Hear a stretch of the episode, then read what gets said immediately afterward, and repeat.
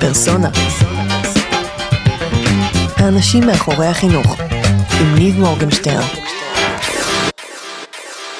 אנחנו כשהיינו בכיתה י"א חשבנו שאנחנו יודעים הכל, והדבר היחיד שמופיע בינינו לבין בגרות זה המעבר הקוסמטי. שסיום כיתה י"ב, לעשות את הרונדו ואת מופע הסיום וללכת לצבא. אה, ובאמת האמנתי בזה באמונה שלמה, בתור תלמיד כיתה י"א. והיום כשאני פוגש תלמידי כיתה י"א על בסיס יומיומי, עברו רק חמש או שש שנים מאז, אני היום מבין כמה אז לא ידעתי. אה, ואני חושב שזו מתנה מאוד גדולה לתלמידים בכיתה י"א, שיגידו להם, חבר'ה, אתם לא יודעים הכל וזה בסדר גמור, ויש ארגז כלים למאה ה-21, ואנחנו רוצים להעניק לכם אותו. זה- שזה מה שאתה מרגיש כאילו שהם מלמדים אותך היום, כאילו? מה, אתה מרגיש פער בין זה אבל? ח- חד משמעית. כלומר, אני מרגיש שהדבר הכי חשוב שהייתי צריך לדעת לקראת המאה ה-21 זה לחפש בגוגל, אוקיי. זה לתמצת את הרעיונות שלי, זה שיהיה לי ביטחון עצמי לפנות לאנשים. ומה, זה משהו שילדים היום לא יודעים לעשות לדעתך? לא, חד משמעית. ו- ואני אומר לך, בהנחה שפונים אליי, כנראה, התלמיד הישראלי הממוצע ומעלה, מהמם. תלמידים היום לא יודעים לחפש בגוגל, ולא אוקיי. יודעים למצוא מידע, ולא יודעים, אפרופו פייק ניוז וכולי, לא יודעים להבדיל בין מידע אמין למידע לא אמין, וזה מיומנויות קריטיות למאה ה-21, למאה שבה הם מוצפים בידע בכל מקום שהם הולכים אליו. אוקיי. ואתה מרגיש יותר צניעות על זה, או שאתה מרגיש, כאילו, מה התחושה שלך לגבי זה? שאתה, שאתה רואה את זה ואתה חושב על עצמך כתלמיד בכיתה י"א? אני שמח מאוד שהייתה לי את החוויה, שמח מאוד שהייתה לי את ההזדמנות ללמוד את זה כמו שצריך, ואני מאמין שאין יכולת אחרת או אין הזדמנות טובה יותר ללמוד את זה, מאשר פשוט לקבל פרויקט כלשהו או כל נושא, אם הוא מעניין אותך, אדרבה, ואז שיגידו לך פשוט, גגל אותו, חפש אותו, תחזור אלינו ממצאים. רוץ, תמצא, כאילו, ו... טוב, אז אנחנו נדבר כאילו על זה, כי אתה מספר את זה באוויר, אבל בוא מהמם. קצת נכיר על מי אנחנו מדברים. אז uh, קודם כל, מה קורה? אהלן חברים. היי. זה ניב מורגנשטרן איתכם, ואני פה עם יונתן חלטניק, עם א', אה, וזה פרסונה, פרק מספר 8. אז יונתן, הוא הקים את ארגון תנופה עבודות גמר, ואנחנו נתחיל אה, מזה עוד מעט, והוא קצין ודוקטור בעתודה הרפואית של צה"ל, ממש בשנים אלה, שנה, איזה שנה? רביעית. רביעית, מגניב. זאת אומרת, בקרוב, ת- כאילו, תשמרו את... אני הולך לשמור את הטלפון שלו, אי אפשר לדעת. מה זה? מה שנקרא קצין וג'נטלמן? מה, דרך אגב, מה אתה מכוון? אה, כרגע אני בסבב ילדים, אז ילדים זה מאוד מעניין. אוקיי, גם אני חושב ככה, אוקיי. זהו, אז אה, כרגע זה ילדים. הבנתי. ולא, ולשם אתה מכוון כאילו, שזה כרגע פשוט מה שאתה עושה, כאילו... זה כרגע מה שאני עושה, זה אה, היינו הבנתי, הך זה גם. לא... זה גם הדבר היחיד שאני מכיר, כי המחשפה, המחלקה היחידה שנחשפתי לעד כה היא ילדים. הבנתי. טוב, אז אחרי זה יש לי משהו זה, על הכיפאק. אז בואו נתחיל קודם כל, הקמת את תנופה, עוד שנדבר מה זה תנופה, אבל נתחיל בכלל, מה זה עבודת גמר? אוקיי, עבודת גמר היא אפשרות ש-40 שנה כל תלמיד ישראל בכיתה י"א יכול לבחור לעשות. מה שזה אומר, זה שכל תלמיד בוחר את הנושא שמעניין אותו בכל מקצוע, גם אם הוא לא מגביר אותו בבית הספר, וחוקר אותו במשך שנה שלמה, לצד מישהו שמלווה אותו, בדרך כלל בעל תואר שני ומעלה. אוקיי. אחרי שנה שאתה מסיים את המחקר, שיכול להיות אותו מחקר רק תיאורטי, רגע, עצור, עוצר מהמם. אותך. 40 שנה, אני כאילו, אתה רוצה להגיד לי שהייתי בתיכון, ולמעשה כנראה כמות גדולה מאוד מהמאזינים והמאזינות שלנו, יכלו במקום לעשות בגרות, או כאילו במקום איזה חמש יחידות בבגרות, מהמם. לעשות מחקר? מדויק. אוקיי, ומה, איפה זה נפל בדרך? אז תלוי את מי אתה שואל. אם אתה שואל תלמידים שמגיעים מקבוצה של 30-40 בתי ספר שעשו את זה כמו שצריך, שום דבר לא נפל בדרך, כי הם הכירו את האופציה הזאת. אוקיי. ועשו את זה 40 שנה באמת? כן. אוקיי. אנחנו מדברים בערך על 900 תלמידים בשנה. בשנים האחרונות, ממש בשנתיים האחרונות, כנראה יש עלייה מהמם. לכיוון האלה ומעלה. אה, זה, זה היה מאוד תלוי פרסונלי בבית הספר. אם בית הספר אמר, זאת המשימה שלי, זה מה שאני רוצה שהתלמידים שלי יעשו, כן. הוא ידע גם למצוא לזה משאבים, ולוודא שזה קורה. אוקיי. בבתי ספר אחרים, וזה קורה עד היום ואני עד לזה, הרבה מבתי הספר אומרים, זה כרגע לא בסדר העדיפויות שלנו, מהמם. ואז התלמידים בבתי הספר האלה לא מכירים את האופציה הזו. הבנתי. ומה, אז איך זה קורה? זאת אומרת, אם אני רוצה, זאת אומרת, אני תלמיד, לומד ב... לא משנה, בתיכון אה, אור שפירא כפר סבא, סתם, לדוגמה איפה שאני מהמם. למדתי, ואני רוצה לעשות עבודת גמר, מה, איך זה עובד? אתה ניגש למחנכת שלך, או לרוב רכז עבודות הגמר, שהוא מעורב בבית הספר, אמור לגשת אליך ולחשוף אותך לאפשרות הזו, אוקיי. לעזור לך למצוא מנחה, שהוא הגורם המקצועי שילווה אותך בתחום שמעניין אותך. אז זאת אומרת, קודם כל אני בוחר תחום. נכון. זאת אומרת, בהנחה ונגיד, וגילו לי את זה, או לא משנה מה, אני מהמם. בוחר נושא. מהמם, אה, ההיסטוריה של הקפוארה. מהמם. אוקיי. נושא פופולרי. כן? כן, יש... כן? אה, עשו על זה עבודות גמר? יש הלימה גדולה מאוד בין מה שחם כרגע, אני מניח שכשאתה היית ילד זה הקפוארה, אה, נדרכתי פשוט רוב החיים שלי, אז... אה, לבין, לבין העבודות ש, אה, שתלמידים בודקים. נגיד היום למשל נושא החלל מאוד פופולרי בשיח הציבורי, אוקיי. והמון תלמידים בוחרים לבחור דווקא לחקור דווקא חלל. מדהים. אוקיי, אז בחרתי מהמם. לעשות אה, על אה, אה, עבודת אה, גמר בנושא היסטוריה של הקפוארה. מהמם. כן. עכשיו מה אני עושה? אז מצאתי לעצ... מצאת לעצמך מנחה באותו תחום. אה. מה זה מנחה? אה, כעיקרון, על פי נהלי משרד החינוך, זה יכול להיות כל אדם שיש לו תואר רלוונטי. למשל, אם אתה מחליט לתקוף את ההיסטוריה של הקפוארה מנקודה היסטורית ולא נגיד סוציאלית, כן. אז אתה מחפש אדם שהוא היסטוריון. אה, בעדיפות אדם שחוקר את תרבויות דרום אמריקה, תקן אותי אם אני טועה. באחת האוניברסיטאות, אה, ואתה אומר לו, שלום, אני ניב, אני ילד חמוד, ואני רוצה לעשות עבודת גמר, האם תוכל ללוות אותי למשך שנה שלמה? עכשיו, למנחה זה לא אומר כלום. כן? הוא לא יודע מה זה עבודת גמר, רוב הפרופסורים לא יודעים מה מה אז היא הוא אומר עבודת לך, גמר. כן, לך מפה רק. אז, אה, אז, אז התלמיד למעשה צריך הרבה פעמים אה, אה, לעשות לו לידינג, ולמעשה להכווין אותו מה ההנחיה שהוא צריך לספק לו. אוקיי. וזה מה שעושים לאורך שנה שלמה, קוראים מאמרים וכולי. במקצועות מעבדתיים כמו כימיה, ביולוגיה וגם מדעי החברה עושים ממש ניסוי, מעבירים שאלונים, מנתחים את התוצאות, אבל בסוף נותנים, אה, נותנים עבודה בהיקף של בין 30 ל-60 עמודים לצורך העניין. אוקיי, המשקל פה לא, לא באמת קובע המשקל של הדפים. אה, כשבסופה, כשבסופו יש אה, מסקנה מחקרית, המסקנה הזאת לא חייבת לקדם את העולם המדעי, זה יכול להיות מסקנה שהמדע כבר עלה עליה קודם, אבל חשוב שהתהליך המדעי יהיה תהליך מדעי תקין. כלומר, שואלים שאלה, חושבים על היפותזה, חושבים איך מפריכים אותה, ובסוף מפריכים או מאששים אותה. זאת אומרת, אני יכול נגיד לקחת משהו שקרה. זאת אומרת, אני יכול לקחת משהו שכבר עשו אותו ולשחזר לצורך העניין את הניסוי. Mm. סתם, לא יודע, משהו שעולה לי בראש, אה, מבחנים פסיכולוגיים, מבחן הקונפורמיות של אש, שבודקים, מכניסים בן אדם אחד לחדר עם מלא אנשים, ובודקים אם הקבוצה משפיעה על ההתנהלות שלו, נ- כאילו נ- על ההחלטות שלו. נכון, ואם אתה שואל אותי, מבחינה מדעית יש בזה משהו הרבה יותר נכון. כלומר, אנחנו יודעים? שהרבה מהניסויים במדע היום, הם, אה, לא ניתן לשחזר אותם. אוקיי. okay. משהו במתודה המדעית שלהם לא הייתה נכונה, אני יכול להגיד את זה על מדעי החיים, שזה התחום שבו מהמם. אני מתעסק. ואז הרבה פעמים אני דווקא אומר לתלמיד שההזדמנות שלו לעשות מחקר כזה ולשכפל אותו, כנראה תתרום הרבה יותר לעולם המדע מלקחת חלק מאוד מאוד קטן במחקר מתקדם. מה זאת אומרת? כי את- לא עשו את זה כבר? כאילו, לא עשו את זה כבר שנים? כי עשו את זה, אוקיי. פעם אחת או פעמיים התבססו על זה, אבל מהמם. הרבה פעמים דווקא לחזור על אותו מאמר ועל אותו ניסוי, ודווקא להראות על איך היו יכולות להיות נקודות כשל בניסוי הקודם שלא שמו לב אלינו, כל מיני דברים כאלה, דווקא יכול להיות שמבחינה מדעית אובייקטיבית כביכול, אה, הדבר היה יותר מקדם את העולם המדעי. הדבר יותר יקדם, התכוונת. כן. אוקיי. ו- וזה כאילו הכיוון, אתה אומר שאתה מכווין כאילו לפעמים אנשים. כן, למרות שעוד פעם, זה הרבה פעמים תלוי בפסיליטי. הרבה פעמים התלמידים האלה צריכים להשתלב במעבדות שנמצאות בחזית המחקר, מהמם. ובגלל שאין להם כסף להוציא על שחזור ניסויים ישנים, אלא על ניסויים חדשים, כמעט כל התלמידים עוסקים בניסויים חדשים שמקדמים את המדע. הבנתי. אוקיי. שזה, זה גם מגניב. מהמם. כי אני אולי יכול לגלות משהו כאילו ב... ללא ספק, ואתה גם יכול להגיד בפרספקטיבת הזמן שהרבה מהתלמידים גם מפרסמים מאמרים ביחד עם המעבדות. יש לנו תלמידים שטסים לחו"ל עם המעבדות שלהם כדי להשתתף בניסויים בחו"ל, במאיצי חלקיקים למשל. מהמם. יש תלמידים שטסים לייצג את ישראל בוועידות מדעיות בינלאומיות. אז לא, רגע, כשאתה אומר תלמידים שלך, בוא ננסה עכשיו לחבר כאילו למה שאנחנו מדברים עליו, מה... שזה בעצם ארגון תנופה מהמם. עבודות גמר, אז בוא תספר לנו רגע מה זה. כאילו. אוקיי, אז אולי אני קודם מתחיל מה, מהסיפור האישי שלי. אני כן. למדתי באותה, באחד מאותם בתי הספר לובק בחיפה, שידע לעשות עבודות גמר כמו שצריך. אוקיי. וכבר עשה אותם לאורך המון שנים. מהמם. אני בחרתי לעשות עבודת הגמר שלי בתנ"ך, על חוקי המקרא, אה, על נושאים שהיו מאוד בכותרות אה, ובהקשרים פוליטיים כאלה ואחרים. אה, ויצאתי, יצאתי, אני וחבריי יצאנו מהתיכון, והיינו של, שלושה חברים, והלכנו למקומות אה, מאוד אליטיסטיים בחברה הישראלית. אביה הלכה לגל"צ, גיא הלך אה, ללמוד בטכניון, ואני הלכתי ללמוד רפואה באוניברסיטה העברית. שלושה אוקיי. מקומות די, די אליטיסטיים ומופרים בחברה הישראלית, שמנגזים אליהם הרבה מוחות טובים. מהמם. וכשהגענו לאותם מקומות, זאת אומרת האליטיסט. אה, אני, אני מכירה את אתה, דיברנו על זה קצת ברעיון אוקיי. המקדים, וזו פוליסת הביטוח שלי. הבנתי, אוקיי. אה, No offense למי שגר בקריית לא, אתא, כן? לא, אנחנו כאילו. האליטה החדשה, עוד 20-30 שנה אה, שתשאל. תהיה, זה כבר לא תהיה תעודת פוליסה. תל אביב זה שם, כאילו זה. תל ה... This is the new black, כן. בקיצור, אז אה, אה, הגענו למקומות אה, די חזקים בחברה הישראלית, וגם במקומות האלה אף אחד לא הכיר את עבודות הגמר. ואז מאוד הופתענו, ופנינו למשרד החינוך, וניסינו לאפיין ביחד עם משרד החינוך למה עוד אנשים לא מכירים את עבודות הגמר. אוקיי. ואז למעשה, ביחד עם משרד החינוך ועם עוד מורים וכולי, הגענו לשלוש נקודות כשל. נקודת הכשל הראשונה, אין גוף שיודע לבוא ולחשוף את התלמידים לעבודות גמר. כלומר, בסוף המשרד סומך את ידו על המורה בבית הספר שהגיע אה, לחשוף את התלמידים. אני יכול לעצור אותך שנייה? כן.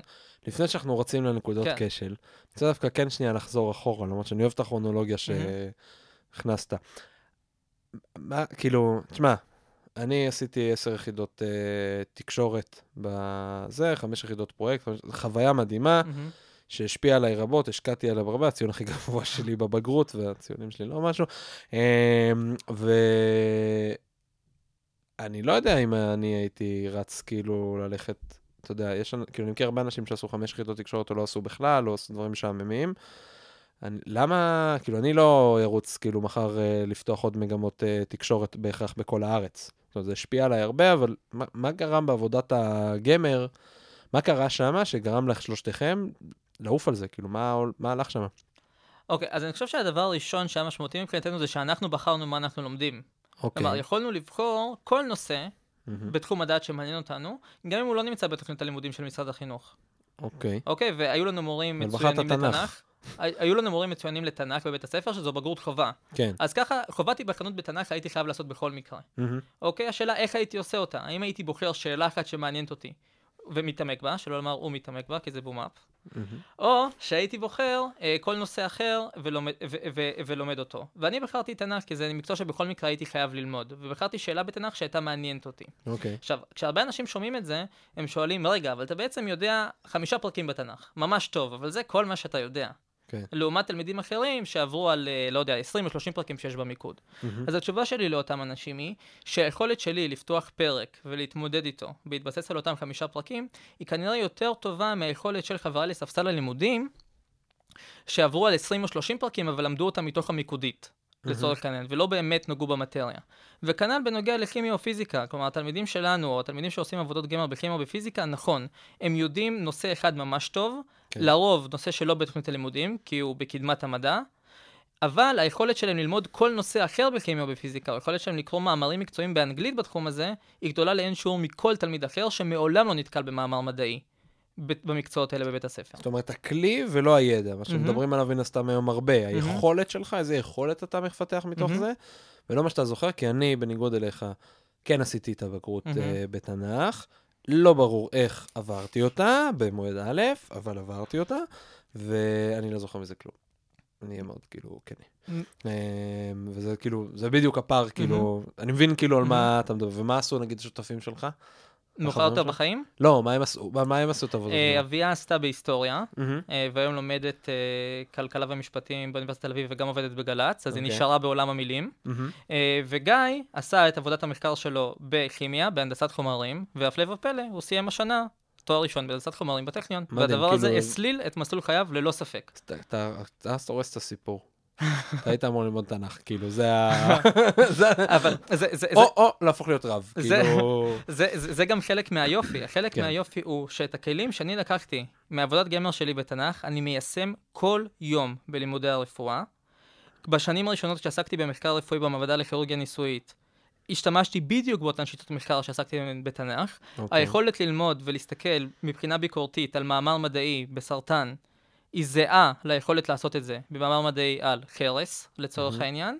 והיום, כשאני פוגש ילדים במחלקות, ואני אחרי כל קבלה הולך לקרוא ולנסות להבין מה יש להם, אז ליכולות המחקר שלי מאותה תקופה, ללא ספק הן חלק מיכולות המחקר שאני מטמיע היום בתור קלינאי, לצורך העניין. הבנתי, יפה. זאת אומרת, זה לא לא הלך לשום מקום. לא. ו- ואולי יש כאן כלי בידי מקבלי ההחלטות, כשהם אומרים, אנחנו נגיד נרצה להשקיע ביום מן הימים רק בעבודות גמר בתחומי ה STEM לצורך העניין, כי מהמם. אנחנו רואים את התפוקה המיידית של זה לחברה זה הישראלית. science, technology, engineering. ו mathematics. זאת אומרת, מדע, טכנולוגיה, הנדסה ומתמטיקה. נכון. כן. כלומר, אז אם מקבלי ההחלטות יגידו, אנחנו רואים תועלת תקציבית להשקיע בתחומים האלה בעבודות גמר, מהמם. אז אני אומר להם שיש תפוקה גם כשתלמידים עושים עבודות גמר במדעי הרוח או החברה, על היכולת שלהם להיות אנשי סטם טובים. Uh, ואני אגיד לך עוד יותר מהנתונים שיש לנו היום על התלמידים שלנו היום, שבכלל עוד לא דיברנו עליהם, שרוב התלמידים שלנו שעושים עבודות גמר במדעי הרוח והחברה, הם תלמידים שבבית הספר שלהם עושים חמש יחידות מתמטיקה אנגלית, ולומדים פיזיקה uh, ומדעי המחשב או כימיה, ולמעשה היכולת שלהם לעשות חמש יחידות במדעי הרוח או החברה בעבודת גמר, מאפשרות להם להרחיב את האופקים מעבר ללימודי הסטם שלהם בבית הספר. זה זה משלים בין הדברים. יפה. אז עכשיו נחזור לחסמים. הייתם, יצאתם שלושתכם, וזה מהמם. אמרתם, נלך לסמן חסמים. מהמם. והיינו בחסם הראשון. ראשון, כן. נכון. שזה עניין החשיפה, שאנשים לא הכירו את זה. אוקיי. שזה הדרך לה, להוכיח את זה אמפירית היא הקלה ביותר. היא- מסתובבים פה בקמפוס של הבינתחומי ושואלים מי הכיר את האפשרות לעשות עבודת גמר. מהמם. מעטים יכירו. הדרך לפתור את זה היא גם מאוד קלה. את מה? עשית, הלכת פעם לא, אבל לקמפוס האמת ושאלת? שזה יכולה להיות post production ממש מגניב. מעולה, אז אנחנו נצא מפה וזה מה שאנחנו נעשה. אוקיי. אה, אז, אז, אז זה חסם ראשון, והדרך לפתור את זה היא מאוד קלה. שמים אתר יפה באינטרנט כמו שיש לנו. והולכים לדבר עם תלמידים. אז זה מה שעשינו השנה. היינו בעשרות תיכונים מאילת, אה, והכי צפוני שהגענו היה חיפה. אה, ודיברנו פשוט עם 1,500 תלמידים והורים. אוקיי. ודיברנו איתם על עבודות גמר. אנחנו יודעים שאחוזי ההמרה של הסיפור זה בערך 30 אחוז. 30 אחוז מהתלמידים שאנחנו מדברים איתם, יבואו אלינו בסוף הרצאה ויגידו, אני לא רוצה לעשות עבודת גמר. אוקיי. אז זה, זה חסם ראשון. חסם שני זה הסיפור של המנחים, שזה מה שכולם יגידו שהוא מאוד בעייתי. הרי בישראל יש לנו במחזור, כלומר במחזור י"א יש לנו 95 אלף תלמידים, איך אנחנו מוצאים לכולם מנחה? אז יש לזה שתי תשובות מאוד פשוטות. רגע, שאלה רק. מהמם. אתה אומר מחזור י"א, כי מתחילים את זה רק מי"א? מתחילים את זה או מי' או מי"א, אוקיי. ומסיימים את זה תוך שנה בשני המסלולים. אה, אנחנו תומכים בתלמידים לעשות את זה בכיתה י"א, כי הם מגיעים בשלב הרבה יותר בוגר, למסלול שבכל מקרה דורש בגרות עילאית. אוקיי. אז אמרנו שהחסם השני הוא, הוא, הוא חסם החניכה, ויש לזה שתי שמענו. שחונך זה כאילו מישהו עם עם רקע אקדמי נכון. מתאים, או... נכון, אה, זה המנחה ויש לזה שלוש תשובות טובות. התשובה הראשונה היא שא' לא כולם חייבים לעשות את זה. כלומר אם היום עושים את זה אלף, ואני אחשוף את האופציה הזאת ל-5,000 ו-5,000 ירצו לעשות את זה, מספיק לי ש-5,000 שהם 5% מהמחזור הכללי של י"א באותה שנה, יעשו את זה. אוקיי, okay, אני לא מחפש שכל 90 אלף תלמידי י"א בשנה נתונה יעשו את זה.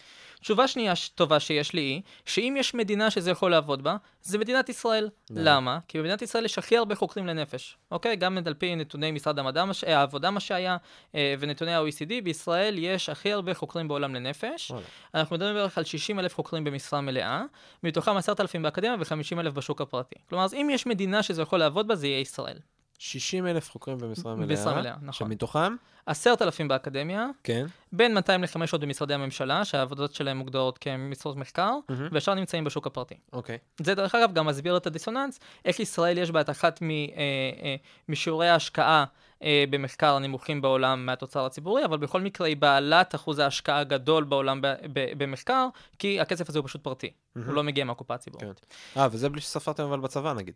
זה לא, בלי שספרנו בצבא, ויש פה עוד איזה דלתא של מה קורה עם הדוקטורנטים שלא רשומים בתור עובדים, אלא מקבלים מלגה, שלא ברור אם זה אוקיי. נכנס לזה או לא. יפה. זאת אומרת, יש פה כמות מטורפת. כאילו, היא נכון. יותר גדולה, היא הכי גבוהה בעולם, ועדיין נכון. אנחנו לא יודעים באמת את המספרים, היא נכון. גדולה עוד יותר מהמספרים. נכון.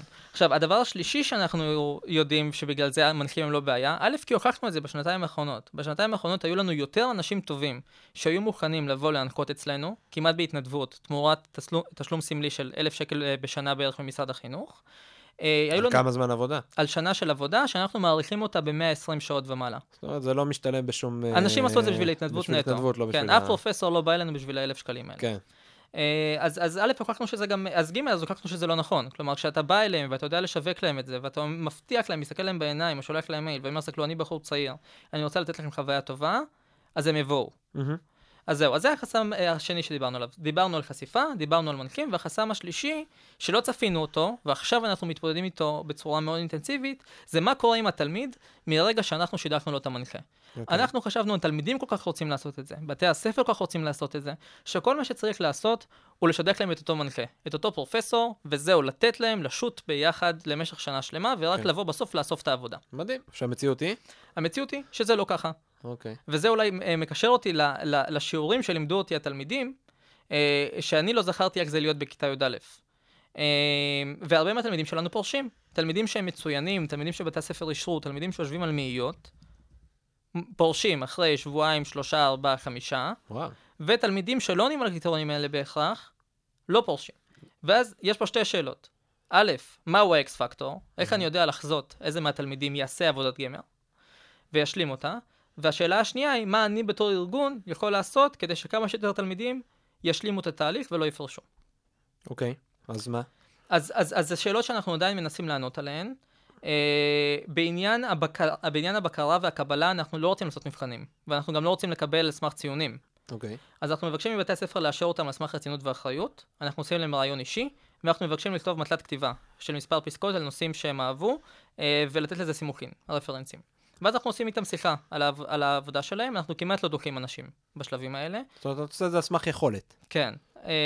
ובנוגע לליווי, אז על כל עשרה תלמידים שחוקרים אצלנו, יש מדריך שלנו, שהתפקיד שלהם הוא לעשות פסיליטציה לכל התהליך הזה, והוא ממש מרים טלפון או שולח וואטסאפ ברמת התזמון על השעון כל שבוע או כל שלושה ימים, מוודא שהתלמיד לא נופל מהלופ, אה, והוא נמצא שם כדי להרים את התלמיד הרבה לפני שהתלמיד מבקש את העזרה שלו. אוקיי. אז זה שני הפתרונות שאנחנו עושים. הוא מלווה רק את התלמיד, הוא מלווה, מה, עכשיו, כאילו דיברת המון על, על התלמיד, דיברת המון על המנחים, מהמם. דיברת המון על איך אתה מתווך ביניהם מהמם. ואיך אתה מלווה אותם. מהמם, שזה מדהים. מהמם. ומה עם הבית ספר? אוקיי, אז זו שאלה טובה מאוד. אנחנו לא רוצים להוציא את בית, הספר, מה- את בית הספר מהתהליך הזה, מהמם. אבל אנחנו לוקחים בחשבון שאם בית הספר לא עלה על הרכבת הזאת ב-40 השנה האחרונות, סטטיסטית הסיכוי שהוא יעלה עליה בשנה ה-41, פתאום בלי קשר אליי הוא נמוך. אוקיי. אוקיי? ולכן מראש המודל שלנו בונה פחות על בתי הספר. אנחנו בונים על בתי הספר שיאפשרו לנו להיכנס לעשות חשיפה, אנחנו בונים עליהם שיאשרו לנו את התלמידים, אנחנו בונים עליהם שיהיו בקשר עם משרד החינוך מבחינה טכנית כדי להגיש את העבודה, ואנחנו, אולי הדבר החשוב ביותר, אנחנו סומכים עליהם שהם יהיו שם ברגעי משבר עם התלמיד. שהתלמיד מתחמק מהמנחה או מתחמק מהמדריך שלנו, אנחנו צריכים מישהו שרואה את התלמיד בבוקר במסדרון, כדי שיתפוס אותו וישאל אותו מה קורה. אוקיי. אה, אנחנו בשנה שעברה קיבלנו המון תלמידים מבתי ספר, אה, והסתמכנו על איזושהי שיחת טלפון בודדת שהייתה לנו מבית הספר, עם איזושהי הבטחה של התלמיד, שבית הספר יהיה מעורב, וזה לא קרה בסוף. וואלה. אז השנה בתחילת התהליך אנחנו מדברים עם בית הספר כמה פעמים, עד שאנחנו מקבלים רושם שבית הספר רציני, ואנחנו לא יכולים לעזור לתלמידים שבתי הספר שלהם לא מחויבים, וכבר היו לנו מקרים שלא שידכנו מנחים לתלמידים, רק כי בתי הספר ש- שלהם אמרו לנו, אה, כרגע זה לא נמצא בראש סדר העדיפויות שלנו, אנחנו מצטערים. כן, למה אתה מרגיש שאין סיכוי לתלמיד לאכול את זה לבד בלי המערכת? אה, מבחינה טכנית התשובה היא לא, כי הוא צריך גורם טכני שיתקשר עם משרד החינוך, ויתקשר עם המערכת של משרד החינוך ויגיש לו את זה כעבודת בגרות. לא, אבל זה נשמע לי כמו עבודה של רבע שעה. אה, אני מסכים איתך, אני כמנהל ארגון, שאני יודע שיש לי זמן מוגבל מהמם, ותשומות מוגבלות, הייתי מעדיף לא לצאת להרפתקה עם תלמיד בודד, מהמם. אה, ולהשקיע את הזמן שלי על חמישה או עשרה תלמידים אחרים. גם חשוב לי להגיד שאני לא רוצה לתת למנחה שלי חוויה רעה. אני לא רוצה להשאיר את המנחה שלי, שהוא מתנדב שלי, אה, ביום שבו התלמיד לא עונה לו, בלי ארגז כלים. הבנתי. אה, כי אז הוא אומר לחברים שלו, הייתה לי חוויה רעה, אל תנקו עבודות גמר, ואז הדבר הזה יכול לפגוע בעשרות ומאות תלמידים אחרים. אוקיי. אז ככה אתה מכניס את בתי הספר, ו... תגיד, בנוגע לתלמידים, כי היה לנו על זה פעם שיחה, כאילו, הרי אנחנו הכרנו מלפני מהמם. לפני שנה בערך, מהמם. דרך אגב, אני בדיוק היום נזכרתי בזה. אמ, כל אחד יכול. זאת אומרת, היום אתה אומר שאתה מבסס על יכולות. וכשדיברנו פעם קודמת, אם אני זוכר נכון, ותתקן אותי אם אני טועה, יכול להיות, אמרת, תשמע, זה יותר מצטיינים, זה יותר המובילים, כאילו, גם עכשיו אמרת שבסוף רוב האלה שמגיעים זה אלה. אז נכון. כאילו, איך חיים בדיסוננס הזה? אני, אני מסכים איתך, אני עדיין חושב שזו תוכנית שהיא בעיקר תוכנית מצטיינים. אה, עוד פחות מצטיינים אלא יותר מצוינים. כלומר, בגלל זה אנחנו מבקשים את האישור של בית הספר ולא מסתמכים על הציונים. כלומר, אני גם מה זאת אומרת, יש ראש בית הייתי הספר? תלמיד מצ... בינוני במתמטיקה, אוקיי. אוקיי? ועדיין הייתי יכול לעשות עבודת גמר ריאלית, לצורך העניין. מהמם. אה, ואנחנו מסתמכים פה על, על, על מישהו שמכיר את התלמיד הרבה זמן, שזה המחנך או הרכז הפדגוגי שהוא זה שישר את התלמיד, ואנחנו לא מקבלים את התלמיד על סמך ציונים יבשים. אוקיי. ככה שמבחינה טכנית זה כבר לא תוכנית מצטיינים, אוקיי? אלא תוכנית מצוינים. אה, מה ההבדל בין הצטיינות למצוינות? אז, אז אני, אני עוד פעם, אני רוצה להדגיש שאני לא איש חינוך ואין לי, לי השכלה. מה שזכור לי מההרצאות בכיתה י"א שעשו לנו, זה שהצטיינות היא דבר שנמדד כלפי חוץ. אה, כלומר, בסוף אתה צריך להגיע לרף מסוים כדי להיות מצטיין. כן. אה, ומצוינות יכולה להתבטא במספר תחומים, אה, לאו דווקא שיניחו עליה איזשהו לייבל, או שתצטרך לעבור סף מספרים מסוים כדי להגיע אליה. אני שמעתי, דרך אגב, דיברתי על זה, מישהו שניהל מרכז מצוינות, תוכנית מצוינות, אה, לא אכניס כרגע את שמו, אבל אז הוא נתן לי כאילו בצורה הכי הכי הכי. רדודה, אחרי זה העמקנו בזה איזה שעתיים שיחה, אבל אה, הוא אמר שהצטיינות, נקרא לזה ברובד הקשיח, היא יותר IQ, מהמם. ומצוינות היא IQ פלוס EQ. זאת אומרת, אוקיי. היכולת כאילו גם להכניס את העניין הרגשי יותר, ואת היכולת לדחוף תמיד להישגים האישיים שלך, גם בלי קשר רק ל... מזכיר קצת, כאילו, שמישהו חיצוני יגיד לך שאתה טוב ב-level הזה והזה, כאילו. אני, אני מבין מה אתה אומר. עכשיו, בנוגע לשאלה שלך, האם כל תלמיד יכול, בוא, אה, כששואלים אותי את זה מנהלי מעבדות, זה מה שאני אומר להם. תסתכלו על הקומה שלכם. האם כל הדוקטורנטים שחוקרים במעבדה שלכם היו התלמידים הטובים ביותר בשנתון שלכם? התשובה היא לא. לא, אוקיי. אוקיי? והרבה מהם נהיו חוקרים מצוינים. בסדר? זה, זה, זה מה שאני אומר. כנראה שזה מתאים להרבה יותר תלמידים ממה שעושים את זה היום. המטרה שלי עוד פעם, לא לעלות ל-90% מ- מהתלמידים בישראל, להעלות את זה מאחוז לחמישה. מהמם. אה, ואני חושב שיש בישראל חמישה אחוז תלמידים שיכולים לעשות את זה. ואני אומר עוד יותר, יכול להיות שיש תלמיד שהוא מצוין ומצטיין, וכרגע זה לא מתאים לו, וזה בסדר גמור, ואנחנו נתקלים גם בתלמידים כאלה. בתלמידים שאנחנו יודעים שאם היינו מקבלים אותם עוד שנה וחצי, עוד שנתיים, הם היו יכולים לעשות עבודה מצוינת. כרגע הם פשוט לא מספיק בוגרים מהמם. לעבוד עם חומרים מסוכנים במעבדה לצורך העניין. אוקיי. זה בסדר גמור. ואיך אתה ממליץ למחר בבוקר אה, למורה או מנהלת שרוצה לעשות את זה? מה היא צריכה לעשות? אוקיי, אז אני תמיד אומר שפונים אליי המון מנהלים ומורים, והם תמיד שואלים אותי מה הקסם וכולי, אז אני מסביר שאין קסם, אוקיי? הנוסחה היא מאוד פשוטה. צריך לבוא לתלמידים, צריך לחשוף להם את המסלול בצורה מגרה, צריך לעשות סינון טוב שלהם. עצור. מהמם. אתה, מה זה גבוה? אה, עכשיו שומעת אותנו שושנה. שושנה היא מנהלת תיכון בכפר סבא. אין לי מושג אם יש שושנה, אם כן, היי.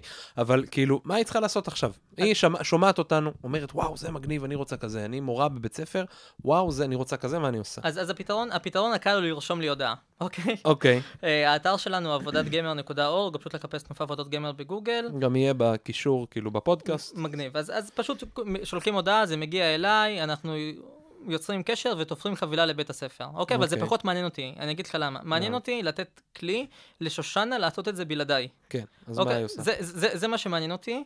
אה, שושנה א' צריכה לדעת שזה כרוך בהרבה מאוד עבודה קשה, אוקיי? אז, אז א', היא צריכה לעשות את התלמידים בצורה משכנעת ומלאת כריזמה. אוקיי? שהרבה מורים לא יכולים לעשות את זה, לא כי הם לא כריזמטיים, אלא כי התלמידים רגילים שמדי 4 עד 6 שעות יש דפיקה בדלת, והמורה בבית הספר רוצה להציע להם תוכנית חדשה. אוקיי? אז צריך לדעת איך להציג את הדבר הזה. צריך לסנן את התלמידים, שזה משהו שאנחנו בעצמנו עד היום מתלבטים מה המנגנון הנכון, וצריך לדעת למצוא להם מנחים. שהיום אמרת שזה מנגנון של העבודת, אה, אתה כותב מהמם. מטלת כתיבה. נכון. מהמם, וצריך לדעת למצוא להם מנחים. אוקיי. עכשיו, הרבה, מה, אה, הרבה מהמורים פורשים פה, בנקודה הזאת, וזה בעצם נקודת השבר שבה הם מת, מתקשרים אלינו. אוקיי. הם הצליחו לגרד שישה תלמידים, מהמם. הם הצליחו לא להנשיר אותם עד עכשיו, אבל הם פתאום מגלים שאין להם מנחים. זאת הנקודה היחידה שבה אני באמת חושב שצריך פה איזשהו גוף שיתכלל את הסיפור הזה. כי בוא נגיד אם יהיו עכשיו אלף בתי ספר שירצו לעשות עבודות גמר, אז יהיו לך אלף מורים שייצרו קשר עם אותן מעבדות ויבקשו שינחו את התלמידים שלהם. אוקיי, אז זאת הנקודה שבה אני כן חושב שאנחנו נותנים ערך מוסף, ואנחנו יודעים לגשת למעבדות ולקחת אלינו אה, את אותם מנחים, אבל שושנה יכולה להחליט שהיא מנסה לעשות את זה אינהאוס, וזה אחלה. היא יכולה להחליט שהיא שולחת הודעות אימייל לכל המורים ולכל ההורים, ולוקחת חלק מהמורים בתור מנחים, ומצליחה למצוא את אימא של יוסי מט' 8 בתור מנחה. וזה בסדר גמור, וככה בתי ספר עשו את זה עד היום. זה no brainer, אוקיי? משרד החינוך בנה את התוכנית הזאת, כדי שהיא לא תצטרך בין 22, שיבוא לעזור למורים לעשות את זה. אפשר לעשות את זה לבד, זה דורש המון שעות. מהמם. צריך לזכור שמשרד החינוך לא מתקצב בשעות את המורים האלה. אוקיי, זאת אומרת זה על חשבונה. נכון, זה על אוקיי. חשבונם, אה, ועובדתית, רוב המורים לא רוצים לעשות את זה לבד, ולכן הם פונים אלינו. כשאנחנו עושים את זה באופן יותר יעיל, אתה מוריד את עלות. השעות מן הסתם, כאילו גם, כן. כאילו בגלל שאתה עושה כן. חלק, חלק גדול מהעבודה, אז כן. כמות השעות שבית הספר צריך לשלם לבד, כאילו כן, נמוכה עלות- יותר מן הסתם. כן, ואני גם, אני גם מכשיר סטודנט שעשה עבודת גמר בעצמו, כלומר הוא כבר מביא איתו את בסיס הידע הזה. אה, אני לוקח סטודנט שנמצא היום באקדמיה, כלומר כבר היום הוא נמצא בקשר עם המנחים האלה, וככה הרבה מהסטודנטים שלנו עובדים, הם לומדים בחוגים מסוימים ופשוט שולחים אימיילים למרצים שלהם, וככה הם מגייסים לעצמם את המנחים. מהמם. הש... השכר שאנחנו משלמים לסטודנטים שלנו הוא כמלגה והם לא מקבלים על זה שכר, אז היכולת שלנו. בכסף זעום, ב-6,000 שקל, 10,000 שקל לבתי הספר, אה, להעמיד אה, תלמידים שעושים את זה, זה, זה, אין לזה תחרות. רגע, אבל למה אתה מחזיק את הסטודנטים?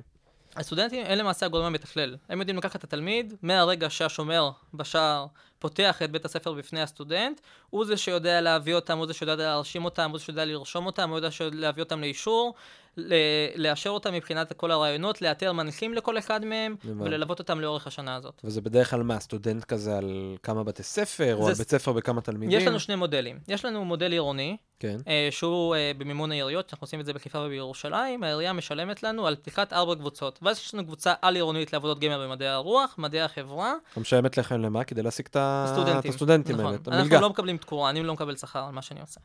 אז אה, העירייה משלמת כדי לפתוח ארבע קבוצות כאלה, קבוצה אחת לכל תחום מדעי בגדול.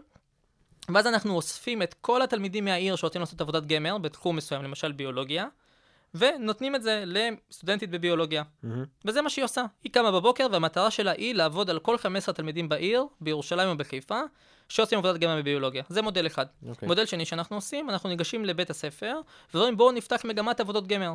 אוקיי? שהיא נקראת, נקראת מגמה, התלמידים נפגשים שם באופן קבוע, אבל זה לא מוגדר מבחינת משרד החינוך כמגמה, אוקיי. ובסוף כל תלמיד עושה שם עבודת גמר לבד. מהמם. וזהו. וזה כמה אנשים יש כזה. ב- בכזו מגמה בדרך כלל? עשרה.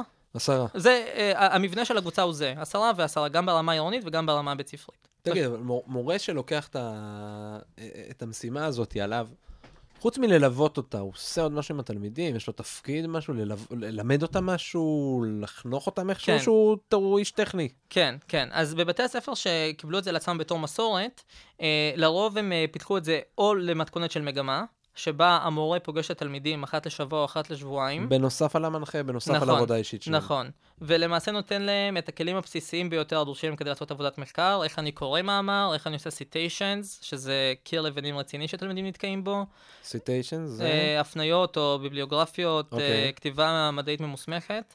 כתיבה אקדמית. מה שנקרא. אה, זהו, מי אמור ללמד אותם את זה? זה האיש אקדמי כאילו אמור ללמד אותם את זה? זהו, אז כעיקרון זה האחריות של המורה בבית הספר. בקבוצות שלנו, מי שלוקח את זה על עצמו זה הסטודנט סטודנט. שלנו. נכון, הסטודנט עושה חמישה מפגשים לאורך השנה, שבה הוא עושה קריאת מקורות ראשוניים, או איך אני מחפש בגוגל ויודע למה נכנסתי. אה, אה, כתיבה של אה, כתיבה ביבליוגרפית מהבחינה הזאת של ציון הערות, כת- אה, עריכה מדעית, כתיבה מדעית, ובסוף הגעה של, הגעה של העבודה. רוב העבודה היא נעשית אחד על אחד ונעשית באופן מקוון. והפגישות הקבוצתיות האלה הן פחות משמעותיות. כלומר, התלמידים בסוף לומדים את זה לבד. הבנתי. מה, אתה לקרוא כאילו את המאמרים? כן. מה הם לומדים לבד? כן. איך? אה, עוד פעם, זה גם תלוי באיזה, באיזה מסגרת שלנו, כי גם יש הכשרות שונות שאנחנו נותנים למנחים השונים. אה, יש מנחים שאנחנו גם משלמים להם והם לא רק מתנדבים, ואז יש לנו יכולת בקרה יותר טובה עליהם. אה, אה, אבל אנשים לומדים לקרוא, קריאה היא דבר אינטואיטיבי. אה, וככל שהם יקראו יותר, הם ילמדו מהו מנגנון הקריאה היעיל עבורם. אה, כעיקרון, כן נותנים להם... לא דבר אינטואיטיבי קריאה, לומדים אותה. כן, אני מבין, אני מבין כן. מה אתה אומר. אה, אולי, אולי כאילו אחרי זה אתה לא מוצא לעצמך את המנגנון ללקרוא את המחקר האקדמי, כאילו אני קורא את ה summary בהתחלה, את ה abstract בהתחלה, ואז את ה summary בסוף, כאילו, אבל... זהו, אז אנחנו לא נותנים שיעור על איך לקרוא, אנחנו לא נותנים שיעור על איך לקרוא מאמר, אה, אנחנו כן מסבירים איך בנוי מאמר מבחינת מבוא וכולי, אוקיי.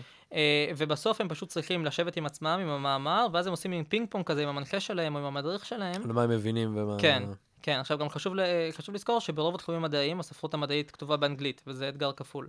כן, ברור. אה, ואם לנו בתור מדהים, זה ישר משפר להם את האנגלית. זה משפר להם את האנגלית, נכון, אבל גם חשוב לזכור שאנחנו בתור סטודנטים, גם לרפואה לצורך העניין, שכולנו קיבלנו 150 ב- בפסיכומטרי באנגלית, אה, קריאת מאמר היא דבר מאוד מאוד לא טריוויאלי. כן.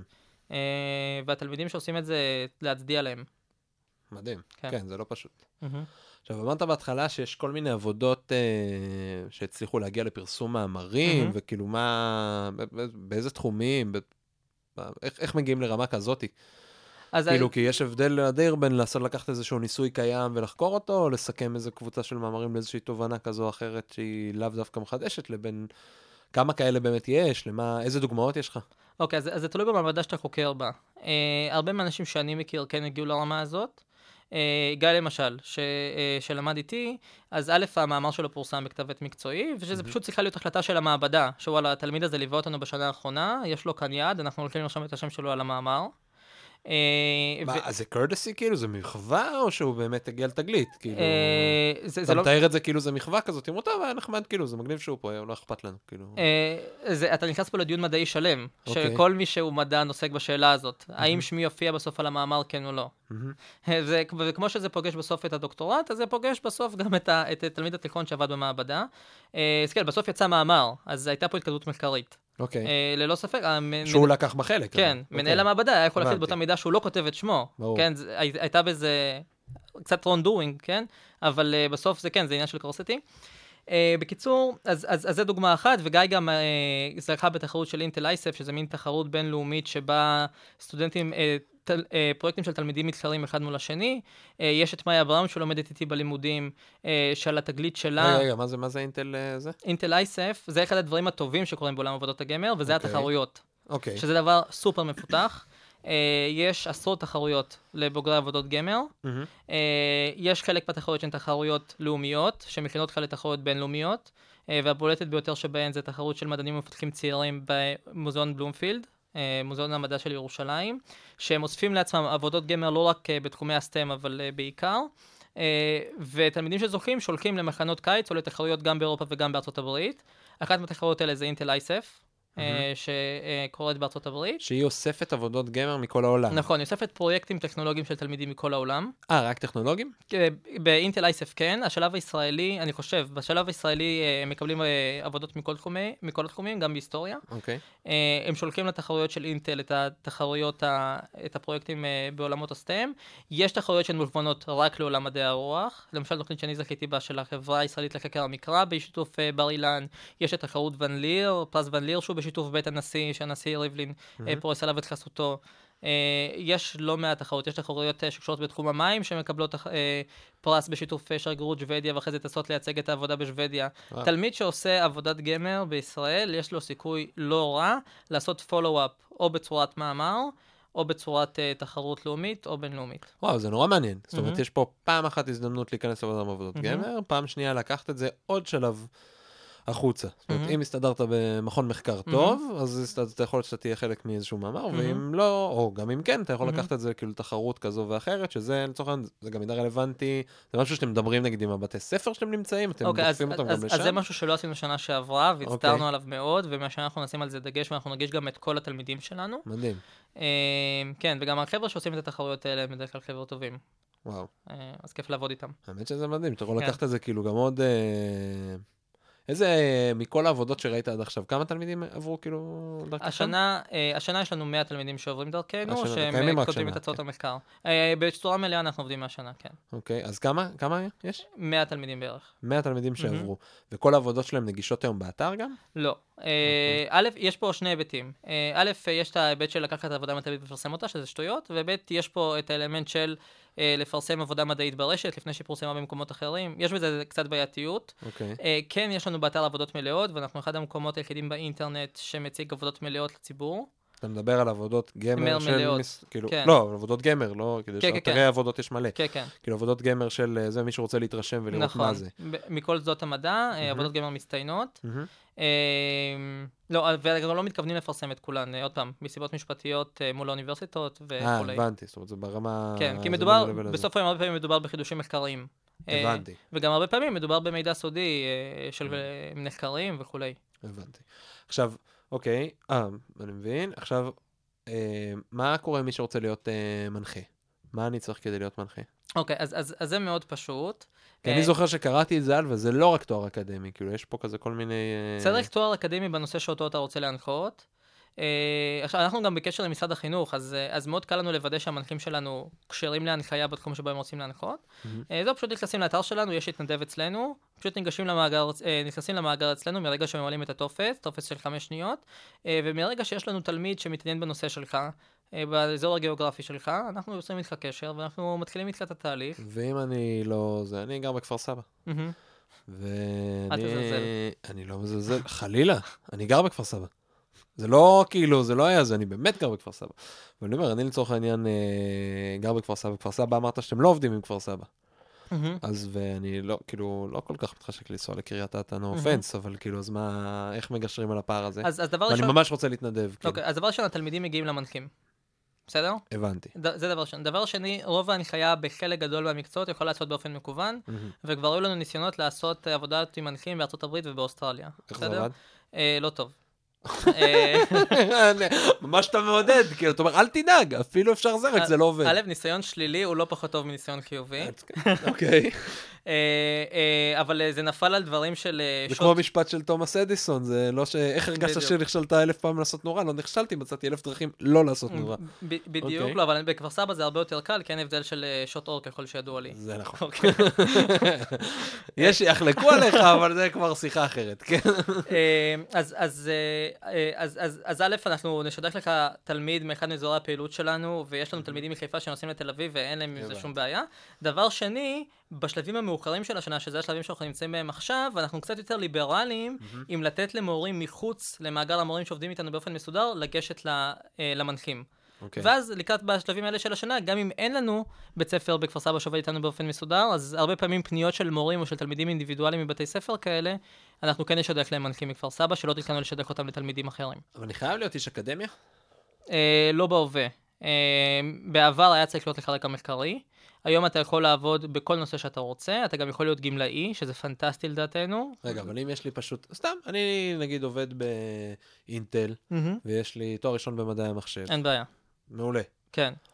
אתה צריך שיהיה לך ניסיון מחקרי כלשהו, וב... לא, אבל מה זה, אין לי, כאילו, לא לא עבדתי, לא הייתי לפני איזה חוקר. כן, אבל. באתי, עשיתי תואר ראשון במדעי המחשב, והלכתי לעבוד. כן. כמו, אתה יודע, המון אנשים. כן, אבל עשית איזשהו פרויקט במהלך הלימודים שלך, אתה היום עוסק בעבודת פיתוח, אוקיי. כלומר, יש לך הלך מחקרי, אתה מבין איך עובד מאמר מההתחלה עד הסוף, אתה מבין איך עובדת עבודת מחקר מההתחלה עד הסוף, אחלה. אנחנו לא לוקחים אנשים רק מהאקדמיה, אנחנו לוקחים אנשים, אנחנו מקבלים אלינו אנשים מכל שדרות החיים, מהמם. כלומר, גם אנשים שעובדים היום בתעשייה, שדיברנו על זה שזה שוק עצום שאנחנו לא ניגשים אליו מספיק, וגם גמלאים, שזה עוד שוק עצום שאנחנו לא ניגשים אליו מספיק.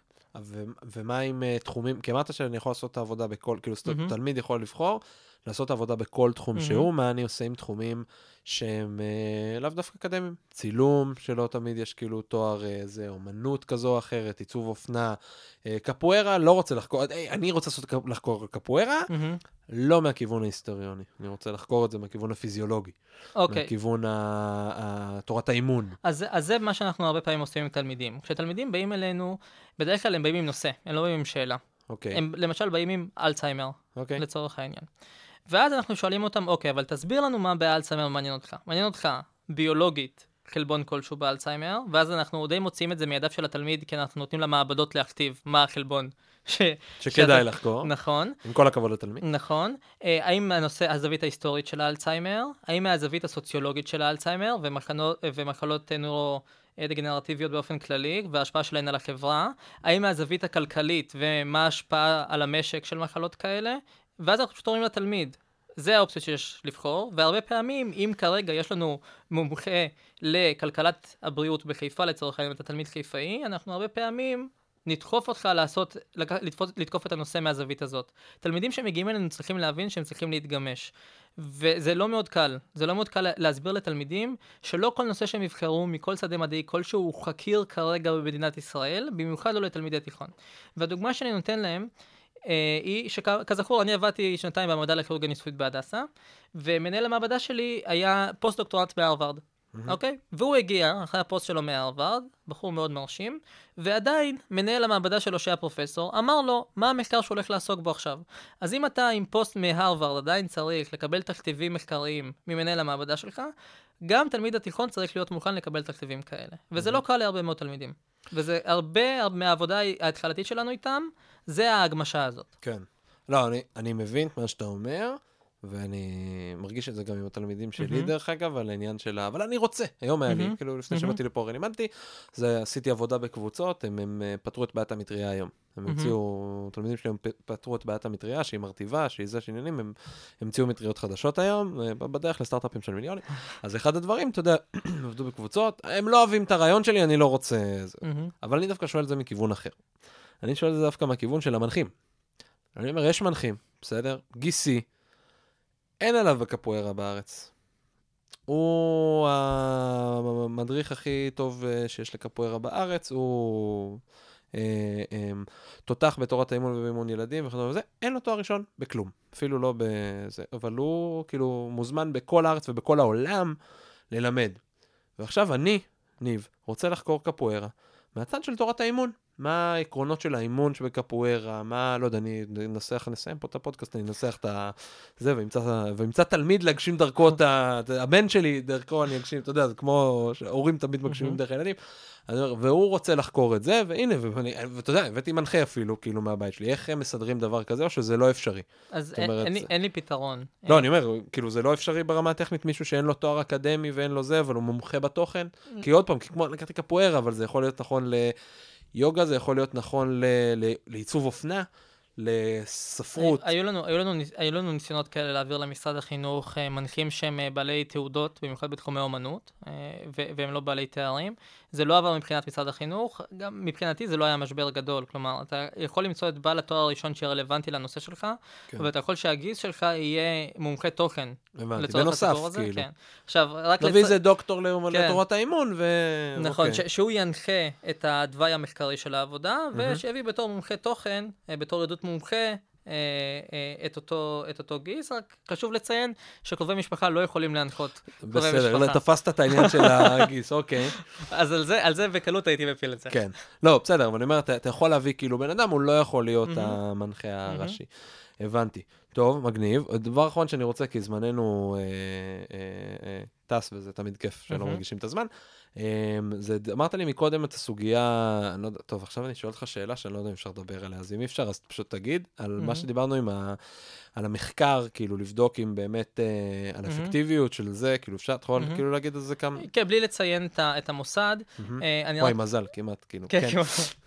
אה, אז אה, הנושא של, אה, כמו שאמרנו, עבודות גמר קיים כבר 40 שנה, ועד היום לא היה תהליך מחקר משמעותי מחוץ למשרד החינוך, גם כנראה לא בתוך משרד החינוך, להעריך מה מה התפוקה של זה לחברה הישראלית. כלומר, בסוף שמשלם המיסים שם שם 4 אגורות, כמה אגורות הוא רואה מזה בסוף, או מה קורה בכלל לילדים כשהם יוצאים מהתהליך הזה. למה, מישהו עשה מחקר, אני לא יודע פשוט, מישהו עשה מחקר ל... חמש יחידות מתמטיקה לצורך העניין. כן, לא יודע, כן. לכל דבר אחר, כן, כאילו, עשו? חד משמעית. אוקיי. כלומר, היום... ומה? אה, מה מקבלים? אה, אני לא מומחה לחמש יחידות מתמטיקה, אבל אוקיי. זכורות לי לא מעט כתבות בוויינט שקרן טראמפ אה, אה, ידע לקדם, שאנשים שעשו חמש יחידות מתמטיקה ישתכרו גבוה יותר. אוקיי. אה, עכשיו, הדבר הזה, אנחנו לא יודעים אותו על עבודות גמר. אה, אנחנו לא יודעים אותו בכלל. אה, ואני שמח מאוד שאחרי חודשים ארוכים של משא ומתן, אה, אחד מ, אחת מהאוניברסיטאות הגדולות בארץ גם קיבלה מימון, וגם יש לה צוות מחקר שכבר בנוי סביב הנושא הזה, וביחד ובשיתוף עם משרד החינוך, אנחנו שנתיים מהיום, פחות או יותר, נדע מה קורה עם תלמידים כשהם מתחילים את התהליך הזה, ומה קורה כשהם יוצאים מה pipeline שלו. עוד כמה זמן נדע את זה? עוד שנתיים בערך. אה, זה לא כזה נורא. לא כזה הרבה. האמת כן, שזה לא כן. כזה נורא. זאת אומרת, זה כבר התחיל, זה רץ. כבר, אה, אנחנו ממש עכשיו, כאילו ממש בימים האלה אנחנו מתחילים באיסוף נתונים מהתלמידים. איך, אתה לוקח תלמידים שכבר עשו ממזמן, או שאתה לוקח תלמידים אה, שעכשיו עושים? יש שני היבטים למחקר. א', אנחנו עובדים מול מנחים, אוקיי. אה, ואנחנו בודקים איך זה מהצד של המנחה, ואנחנו, כן, עובדים מול תלמידים. אנחנו לוקחים תלמידים שמתחילים היום, ואנחנו מהמם. בודקים אותם לאורך כמה נקודות לאורך התהליך, שזה גם משהו שאנחנו עושים באופן טבעי בתנופה. אנחנו שואלים אותם שאלות מסוגלות עצמית, כמו... אני בטוח ביכולת שלי להתמודד עם אתגרים, או אני מעדיף מבחנים על פני, אני מעדיף עבודות על פני מבחנים, או אני נוטה שלא להתייאש בקלות. אנחנו שואלים את התלמידים האלה שמונה פעמים לאורך השנה את השאלות האלה. זה מין שאלות של growth mindset, של דפוס חשיבה מצמיח, אם אתה מכיר את המונח. לא. אז זה ממש ממליץ לך, דרך אגב, להכיר, סליחה שקטעתי אותך. אבל מהמם. יש אה, חוקרת בשם קרול דווק, מ... לא זוכר מאיזו אוניברסיטה בארצות הברית, אז אני לא אגיד סתם. יש לה הרצאת TED מעולה, ספר מדהים, שנקרא Mindset, שאני באמצע שלו, שהיא מדברת על growth mindset. יש growth mindset ו-fixed mindset, דפוס חשיבה מצמיח ודפוס חשיבה מקבע. שאנשים שדפוס חשיבה שלהם מקבע, זה אנשים שצריכים יותר את השבח, כן? מהמם. ודווקא כל מיני, היא מדברת על, המון גם על זה שאיך אתה משבח מישהו, במיוחד תלמידים, אבל לא רק, אה, מאוד משפיע עליו. לדוגמה, אנחנו מאוד רגילים לשבח מישהו, וואו, אתה מה זה חכם? יונתן, אתה מה זה חכם אם אתה מקים את, אה, את תנופה, אבל מה זה בעצם גורם לך? זה גורם לך לרצות להחזיק את התואר חכם. וזה לא לאו דווקא גורם לך להתאמץ ולהיות יותר טוב או להשתפר או זה, אתה רוצה להוכיח כל הזמן שאתה חכם. ואז תלמידים כאלה שמקבלים שבח שהוא חיצוני מהמם. כזה, הם נתקעים, הם פחות מתאמצים, אגב השאלה מהמם. שלך, הם לוקחים, אה, מחפשים לפתור בעיות יותר קלות, מהמם. הם נוטים לה- יפה. לדרך הרבה יותר קלה, אז יכול להיות, דרך אגב, שזה יכול להתחבר לכם. מאוד, יפה, אז, אז אה, בלי שידענו, אנחנו בודקים להם שמונה שאלות שנוגעות ל growth mindset. אה, והיופי הוא שעכשיו אנחנו מביאים גוף אקדמי גדול, אה, שיכול להגיד עוד שנתיים מה הדבר הזה אומר. אה, וזה משהו מבין, אנחנו עושים עוד הרבה פעילויות שלא דיברנו עליהן, אנחנו גם כן. אה, מנציחים חללי צה"ל שנפלו וכתבו עבודות גמר, אה. אנחנו הולכים לציבור הרחב ועושים מין הרצאות TED כאלה של תלמידים, מהמם. אנחנו עושים, הרבה- עושים הרבה דברים אחרים, ומבין הפעילויות האחרות שאנחנו עושים, זה הפעילות שאני אולי, השני הכי גאה בה אחרי הנצחת חללים, שאנחנו סוף סוף נדע להגיד עוד שנתיים למדינת ישראל, אם מה שאנחנו עושים פה יש בו פוטנציאל או לא. מדהים. טוב, תשמע, יונתן, אנחנו ממש מגיעים עוד שנייה ל, ל, לסוף של הפרק שלנו. דרך אגב, כשאני, תוך כדי שאני חושב, אמ, זה ממש מחבר אותי לשני פרקים קודמים שהיו פה, אחד זה הפרק עם ענבל חמיידס סביב סוגיית הפרסונליזציה, החלפנו על זה גם מילה קודם, שלמעשה אני חושב שהעולם של עבודות הגמר, גם מה שאתם עושים ובכלל, הוא אולי אחד הדברים הכי קרובים לבאמת פרסונליזציה שיש כאילו בארץ, מהמם. כי התלמיד בוחר איזה תחום שהוא רוצה לעשות, עם כאילו מגוון מאוד מאוד רחב. Uh, אתה מחבר לו מנחה מתוך שלל מנחים, אז, אמרנו שכאילו, זה מן הסתם תלוי באזור, אז לפעמים יש מגו- מגוון גדול יותר Mhm. ומגוון קטן יותר, אבל בסוף מתאים איזושהי התאמה של uh, מנחה, והוא מכוון, הוא מנחה למעשה את הלמיד, התלמיד מנחה למעשה את הלמידה שלו, הוא מנהל את הלמידה שלו עם כל התמיכה מסביב, אבל הוא מנהל uh, את הלמידה הזה, Mhm. וזה מזכיר לי פרק נוסף, שיחה נוספת שהייתה לי פה עם יעל ביבר אביעד, שבית הספר שלהם, כל הבית הספר שלה, Mhm. בית ספר יסודי, אלונים, PBL. אה, בדיוק מבוסס על PBL, Project Based Learning, כי זה למעשה פרויקט, מהמם, כאילו מהמם, עושים פה בסוף נכון. פרויקט, עם התוצר שלו אמנם אולי כזו עבודה כתובה כזו או אחרת, אבל זה, זה פרויקט כאילו לכל דבר ועניין, זאת אומרת, יש פה משהו מאוד מאוד יפה, שהוא win-win situation, גם מבחינת ה... אמ, גם מבחינת ה... זה שאני לומד פה משהו פרסונלי, גם אני לומד כישורים וסקילס, גם אה, אה, אני עושה פרויקט, כאילו משהו שמדבר, אני חושב שיש Mhm. לזה כאילו מלא מלא ערך, וכאילו יישר כוח על, ה, על הדבר הזה, וטוב, פרק הבא יהיה גם משהו רלוונטי שקשור לזה, אה, אבל אני אשאיר אתכם במתח. אתם תצטרכו לחכות בסבלנות, ואנחנו נסיים עם השאלה האחרונה. שאתה אמרת לי שהאזנת כבר לפודקאסט, אז כאילו, אז יכול להיות שבאת מוכן, הופה, אתה לא זוכר? יש.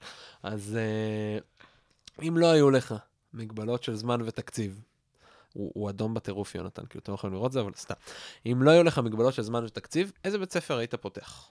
עכשיו, פיל פרי כאילו לקחת את זה לאיזה כיוונים שאתה רוצה, לאיזו אוכלוסייה שאתה רוצה, למדו שם מה שאתה רוצה, אל תרגיש כאילו חופשי, לקחת את זה- רוב האנשים לוקחים את זה לבית ספר, כאילו, לא יודע, יסודי תיכון, לא, תרגיש, איזה בית ספר היית פותח? בלי מגבלות זמן ותקציב. אוקיי, האמת שהייתי, זה מסיק, הייתי פותח בית ספר לדוקטורנטים, אוקיי. אוקיי? אה, וככה משלב את ה- את העולמות. אחד האתגרים הגדולים של המדע היום, אה, ואתה יכול לראות את זה אה, בקבוצות שיח של אקדמאים בארץ, היא איך יוצרים הנחיה אקדמית יעילה, אוקיי?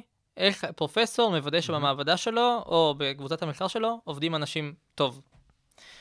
וזה דבר מדהים ש- שהמדע היום מאוד מאוד מתקשה להתמודד איתו. אה, ולמעשה, הפרויקט שלנו, למרות שהוא בכלל קשור לתיכון, הוא נותן פתרון לחלק מהדברים האלה. כלומר, אנחנו לוקחים תלמידים, משטחים אותם לפעמים לדוקטורנטים, והדוקטורנטים האלה בשלבים מאוד מוקדמים של הקריירה שלהם, לומדים איך להכווין מחקר. איך להנחות. איך להנחות ואיך להכווין מחקר ואיך לתכנן בגן של שנה קדימה, כשהם מסתכלים על, על המשאבים שיש להם ו, ועל כל מיני מחויבות שיש להם, וכל מיני גרנטים וכל מיני דברים כאלה, הם לומדים איך לשלב עוד מחקר של מישהו בתוך, בתוך המחקר שלהם. והם לומדים לעשות את זה עם תלמידי תיכון. אוקיי. אה, ואני חושב שהפוטנציאל אולי הכי גדול שיש לנו בעבודה, למשל עם משרד המדע, היא אה, לפתוח מין בתי ספר לדוקטורנטים כאלה. כלומר, לה- להגיד שבישראל היום, כשאתה הולך לעשות מסלול מחקרי בדוקטורנט או פוסט-דוקטורנט, אתה מקבל אליך תלמיד תיכון, ולפני שאתה תחנוך מסטרנט או דוקטורנט הבא אחריך, אתה קודם תלמד איך לחנוך תלמיד תיכון. ואז אנחנו גם, יהיה לנו הנחיה שיטתית לתלמידים, שנוכל להשקיע בה ולהתמקצע בה בתור מדינה, וגם אנחנו נוכל להתמקצע בלהצמיח דוקטורנטים שיודעים להנחות. זה ממש win-win situation. כן. כאילו. אז למה לא, כאילו אתם מציגים את זה ככה היום? זהו, אז, אז, אז היום, אז זה, כל, אז זה אחד מהרגעים האלה בחיים שקודם מצאת את הפתרון, ואז הבנת בעצם את הצורך. מהמם. אז ב- אה, באוניברסיטה, באוניברסיטה העברית למשל, יש לנו 40 דוקטורנטים שמקבלים איתנו מלגה בשיתוף משרד המדע, אה, וזה מה שאנחנו עושים להם היום. יש לנו 40 דוקטורנטים שבמהלך המחקר שלהם הם חונכים תלמידים שלנו, יפה. ומקבלים גם מלגה מאוד יפה ממשרד המדע. אה, ואני חושב שאחד היתרונות הגדולים ביותר של להרחיב את זה לאוניברסיטאות אחרות, זה לבוא ברמה לאומית, ולהגיד אנחנו מתכננים פה לאומית 20-30 שנה קדימה. כי אנחנו עוד 20-30 שנה, הדוקטור, הדוקטורנטים האלה היום ידעו להנחות מצוין את הדוקטורנטים שלהם. זה יפה, זה כאילו, תשמע, יש פה כאילו פוטנציאל לעשות כאן מסלול, מהמם. נקרא לזה. נכון. זאת אומרת, אתה בשביל, כמו שאתה בשביל להיות אה, פרופסור לצורך. העניין, לא משנה מה, אתה צריך לעשות דוקטור מהמם. ודוקטורט ופוסט-דוקטורט וכל כאילו תהליך כאילו שבדרך כלל עושים, אז אתה צריך בשביל להיות בכלל, אה, לסיים את ה... מהמם. להיות מסוגל להנחות אחרי זה, אתה צריך קודם תנחה תלמיד מהמם. תיכון, אחרי זה תנחה אה, מאסטרנט מהמם. וכן הלאה. ואז היכולת שלך. לפתח פה בסיס ידע מבחינת המדינה. מי אחראי להחליט את זה דרך אגב? אה, זה לא תלוי, זה אוקיי. מל"ג, ות"ת, משרד. המדע, תלוי מי, בעל המאה הוא בעל הדעה. לא נבלבל פה בזה, אוקיי? בעל המאה הוא בעל הדעה אה, בעניין הזה, אבל תסתכל, אנחנו כבר עושים את זה היום בירושלים, השנה. השנה שיש לנו את התקציב הזה במשרד המדע, והשנה שיש לנו את המוכנות האדירה של האוניברסיטה העברית, שאנחנו נעבוד בתוכה, וננהל את התהליך הזה בתוכה. אז זה מה שאנחנו עושים שם היום. אה, עכשיו נשאלת השאלה, מי ירים את הכפפה ברמה הלאומית, לעשות את זה ברמה הלאומית. טוב, לא יודע, אולי מישהו ישמע את הפודקאסט הזה וירים את הכפפה. ברמה הלאומית. אה, אי אפשר לדעת, אפשר לדעת. טוב, אה, יונתן, תודה רבה. היה ממש ממש תענוג, במיוחד בסוף שזה התחבר גם להרבה מאוד מהמם. אה, דברים אחרים. אז תודה לך שבאת, אני מאחל לך המון המון בהצלחה. גם בלימודי. אה, גם בלימודים שלך להיות אה, דוקטור, אה, דוקטור חלטניק גדול ומצליח, גם אה, בתנופה, שתרימו בתנופה כמה שיותר אה, אנשים, מה שנקרא. אז תודה רבה גם לכם שהאזנתם, שהיה לכם ככה סבלנות. דרך אגב, לא עשיתי את זה עד עכשיו כאילו בכלל, אה, אבל אם זה עניין אתכם, זה תרם לכם משהו, אתם חושבים שזה יכול לתרום מישהו אחר, תעשו טובה, תשתפו כאילו עוד אה, אנשים שיוכלו ללמוד אה, ולשמוע ו- ולהכיר. אה, אז אתם הקשבתם לפרסונה, תודה, אנחנו נשתמע בפרק הבא, אז יאללה ביי. יאללה ביי. Thank you.